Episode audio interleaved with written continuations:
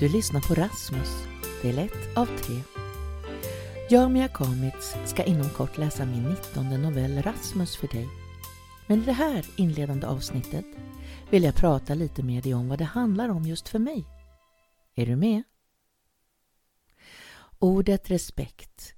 Jag upplever ibland att det ordet har blivit lite urvattnat i sin betydelse. För mig är ord väldigt viktigt. Jag hittar visserligen på nya och egna titt som tätt, men jag använder inte ett ord om jag inte menar det.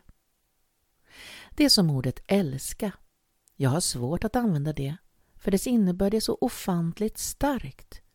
Tillfället ska verkligen vara rätt när jag gör det. Jag hör ibland hur människor runt omkring mig slänger sig med uttryck som jag älskar, jag hatar, jag får panik och så vidare. Det är som jag pratat om tidigare, att jag undviker ordet måste. För jag måste inte mycket om jag tänker efter. Självklart får jag backa inför andras förhållningssätt till ords användning och betydelse. Jag får inse att alla inte finner ords betydelse lika viktigt som jag. Ofta får jag med en tankeställare hur andra upplever mitt sätt att tala och skriva. Jag glömmer kanske ibland att mottagaren till det jag säger i tal eller skriver i en text inte är en sån vän av språk som jag själv eller inte har ett sånt utvecklat språk än så att de förstår allt jag menar eller försöker säga. En förälder sa nyligen till mig, efter att ha läst det veckobrev med information om vad som hänt i skolan och ska hända. Du gillar ord, va? Och det gör jag ju. Jag insåg att mina försök att vara detaljerad och tydlig kanske landade hos andra som omständligt, långt och alldeles för mycket. Vad vet jag? Vi är olika och jag får försöka att ha respekt för det. Ett annat bra exempel är när jag hör människor svänga sig med ordet panik. Jag har säkert också gjort det innan jag själv fick uppleva det i verkligheten och även genom andra i min närhet. Den som har upplevt panik eller ännu värre panikångest slarvar nog inte med hur de använder det ordet så lättvindigt. Självklart behöver jag förstå att det är som det oftast är, att det är oförstånd, okunskap och oerfarenhet som orsakar bristerna. Om det nu kan kallas för brist. Det är ju jag som är den som studsar på orden eftersom det har en så stark innebörd just för mig. Jag får väl erkänna att fotboll, som verkar vara på liv och död för somliga, inte betyder så mycket för mig. Varför? Jag har inte satt mig in i det, har aldrig haft intresse för det och därför aldrig riktigt fått uppleva det. Same thing, but different. Att visa och ha respekt för saker tror jag blir lättare och mer naturligt om jag får en relation till det och en förståelse för det. Miljön är ett bra exempel. Unga som har hela livet framför sig har större intresse för att få ren luft att andas och frisk mat att äta. Om man jämför med en gammal stofil. Jo, det kan jag tro, men det stämmer inte alltid. Somliga, oavsett ålder, vill ändå att allt ska vara som det alltid har varit och lägger stor vikt vid det, trots att det blir nästan samma sak fast så mycket bättre för hela härligheten. Konstigt nog hjälper inte det. Individen vill ändå inte bjussa på den där lilla ändringen trots att hela jordklotet ber om det. Nej, en praktisk skepsis infinner sig och den enskilde tar sig rätten att hoppa över respekten. Precis som när jag var barn, på sommarlov eller en vanlig lördagsmorgon tog en liten omväg runt tvättkorgen med tvätt i hallen som behövde hängas ut och ett rejält kliv över soppåsen utanför dörren.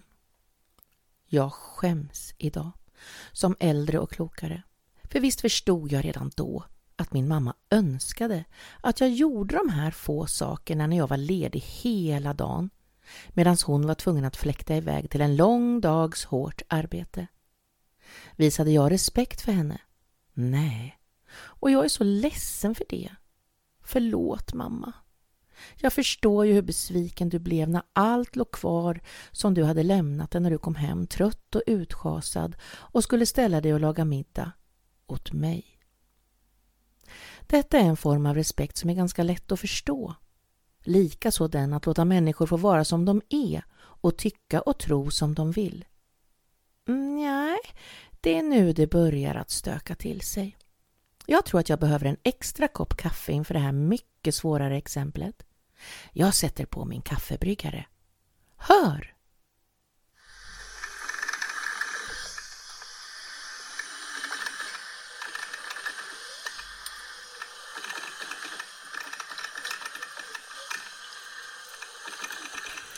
Jag kan inte alltid ha överseende eller respekt, för vi får inte på några villkor tillåta att skada någon eller något, hur stort begäret än är. Respekten för det levande och kännande när det kommer till oförmågan att motstå det förbjudna. Hur ställer jag mig inför det? Självklart finns det regler och lagar att följa, men den som brottas med begäret då? Hur kan jag respektera den? Eller ska jag ens det? En människa är ju inte bara sin sämsta egenskap utan även sin bästa. Många avskyr vargen för att den är ett farligt rovdjur som skrämmer och ställer till skada. Den har respekt med sig i och med sin storlek och sin karga vildhet och instinkt. Den har ändå rätt att leva och finnas och den är fredad. Ändå är den hatad och hotad när det kommer oss för nära. Jag tycker den är fantastiskt ståtlig och vacker och vill bevara den i vår natur. Har jag stött på en livslevande varg någon gång? Jajamensan, det har jag! På zoo. Jag har återigen ingen personlig relation eller erfarenhet av dess framfart och bestämmer mig för att respektera människors olika åsikter så länge lagen upprätthålls. Människor då, som är lika farliga? Det är ofantligt många fler människor som både dödar och skadar än till exempel vargen. Och nu tänker jag inte på trafiken, olyckor, våld eller ens mord utan en människas otillåtna drifter. Jag kan mycket lättare förstå både våld och planerat mord för det finns någon slags affekt i bakgrunden som motiv till handlingen. Men människors drifter och dragning till att plåga någon är för mig oförståelig. Och driften att ge sig på ett barn, en liten skyddslös mänsklig avkomma är för mig så horribel och frånstötande så några O kan jag inte kosta på mig. Det går inte att åberopa vare sig oförstånd, okunskap eller oerfarenhet. Alla vet att det är ett brott. Alla vet att skadorna blir stora och alla ser och hör om konsekvenserna överallt och har kanske till och med erfarit något själv. Ändå känns det som det eskalerar. Jag höll på att slarvigt använda uttrycket i stort och smått där jag tänkte ge exemplet som smått en ytterst olämplig bild till ett barn eller ungdom och stort som ett regelrätt övergrepp. Det är inte något smått, litet eller obetydligt att skicka en olämplig bild till ett barn. Normalisering är ett mycket förrädiskt och farligt ord. Mycket farligare än hundratals vargar. Vet du hur stor andel av våra barn och unga som har blivit överraskade av olämpliga filmer och bilder på sina telefoner eller datorer? Sen blir tratten hastigt vid i allt som inte är menat för våra barn och unga. Det landar inte obemärkt och är ofta alldeles för genant att lyfta, dryfta, förklara eller förstå. Jag vet inte om jag kan förklara eller förstå det själv, trots att jag är myndig, äldre och livserfaren. Hur blev den sunda nyfikenheten något sånt här? En planerad handling. Nu är jag både oerfaren och full av fördomar och det är väl därför jag har ett behov av att fundera på det och jobba med mig själv med det. Det är bara för obegripligt för mig. Som du förstår ramlar jag över sånt här ibland i mitt yrke som lärare. Jag mår så oerhört dåligt av det och barnet som blivit utsatt lämnar mig ingen ro. Var finns respekten nu? Nej, den uteblir helt Och jag gör exakt likadant som personen som inte ville förändra saker utan vill ha det som det alltid har varit. Jag drar strecket i nuet och vill helst inte veta och rota bakåt varför förövaren blev just en förövare. Eller orkar bry mig om konsekvenserna framåt. Oftast beror det säkert på något. Men i min föreställningsvärld har vi alla ett val och det finns hjälp att få om jag upplever något som svårt. Eftersom regler och lagar finns så finns också hjälp att upprätthålla dem. Jag vet att myndigheter inte alltid har råd eller den tid som behövs, men viljan finns. Den som klagar om brister från myndigheter eller i vården glömmer att tänka på samhällsmedborgarens egna ansvar. Varför är behovet större än vad myndigheter och vård kan mäkta med?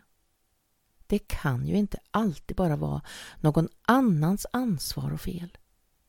Jag vet att det inte är enkelt. Jag inser att jag utgår från mig själv igen. Men vad annat kan jag göra? Jag erkänner gång på gång att jag inte förstår. Det kan vara dags att pausa kort med det musikstycke som jag har skrivit till Rasmus. Pianomelodin föll lätt på plats, cellon också. Men oj vad jag fått arbeta med fiolerna. Det skevade och bråkade med mig innan det la sig till rätta. Väldigt besvärligt. Precis som mina snåriga tankar. Nu lyssnar vi.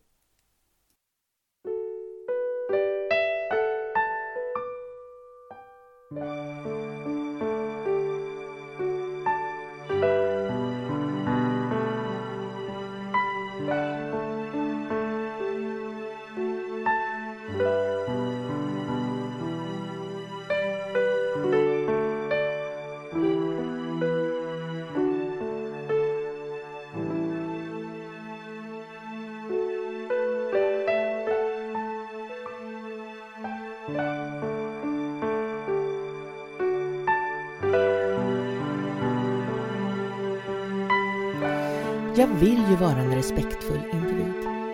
Jag brukar vara storsint och tolerant.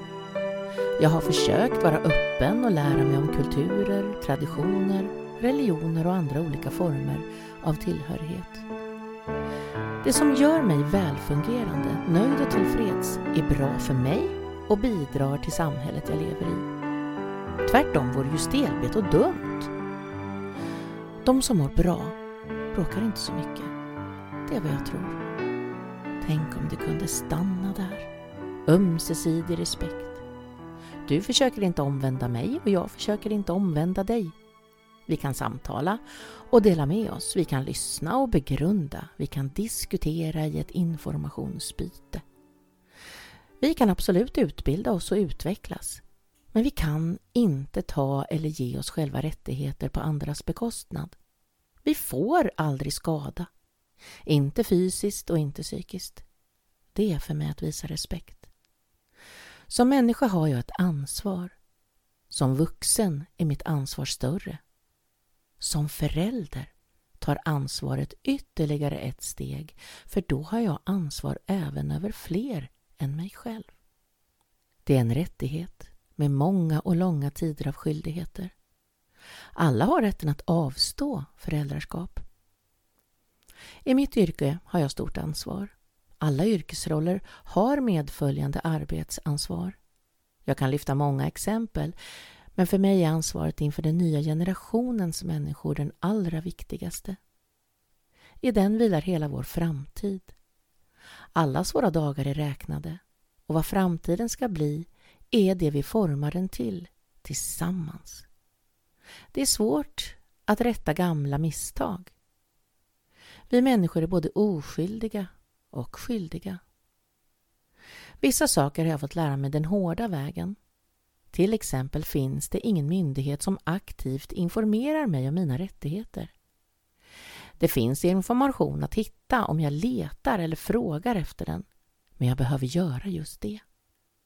För mig känns det som att jag skulle behöva ytterligare en kroppsdel som höll ordning på att lämna in kvitton eller ansöka om ditt och datt för att få sånt som jag har rätt till.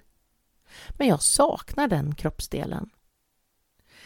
Det jag försöker säga med detta är att det som kommer mig naturligt å ena sidan är främmande för mig å andra sidan. och så fungerar det nog för de flesta. Det gäller att inte värdera olikheterna utan att respektera dem.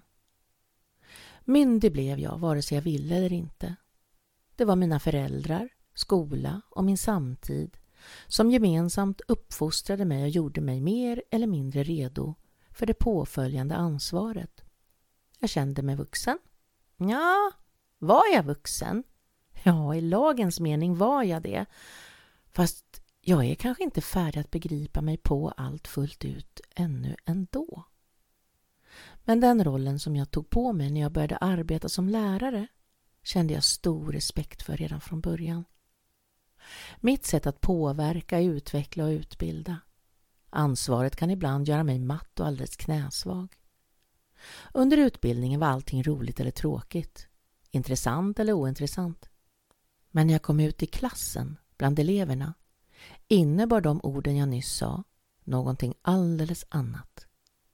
Roligt blev roligheter och tråkigt blev tråkigheter. Ingenting är längre ointressant utan har plötsligt innebörd och betydelse och allt sammans sitter ihop och går inte att separera. Lärarutbildningens olika ämnen var inte uppdelade i fyrkantiga boxar i olika färger på ett schema i verkligheten.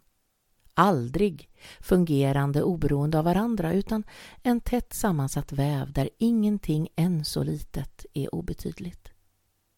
Den insikten gör att jag ibland vill huka mig för bördan, för även här är det jag som behöver söka efter rätt information och hitta den.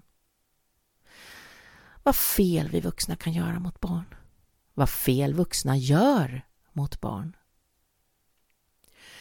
Lilla spinkiga Rasmus med den alldeles för kalla blå jackan i den väldigt kalla blåsten. Vem tog ansvar för honom? Föräldrar, skola eller hans samtid? Du gissar säkert svaret. Jag vet att små Rasmusar har funnits i alla tider. Men vi som mänsklighet lär oss ju så mycket hela tiden och förändrar och tycker att vi förbättrar. Varför växer då vuxna svek mot barn snarare än tvärtom? Nu synliggör såklart barn och unga situation kanske mer än vad som gjordes förr. Men ämnet gör mig så ledsen och bedrövad. Jag har så många tankar i huvudet som gör hela det här avsnittet självklart för mig. I dina öron som mottagare blev det kanske något annat. Du får göra det till ditt. Jag är hur som helst oerhört tacksam att du har lyssnat så här långt och hoppas att du ska bli nyfiken att fortsätta lyssna på min berättelse om Rasmus. Ta hand om dig nu så hörs vi snart igen. Hälsningar från mig, Mia Kamitz.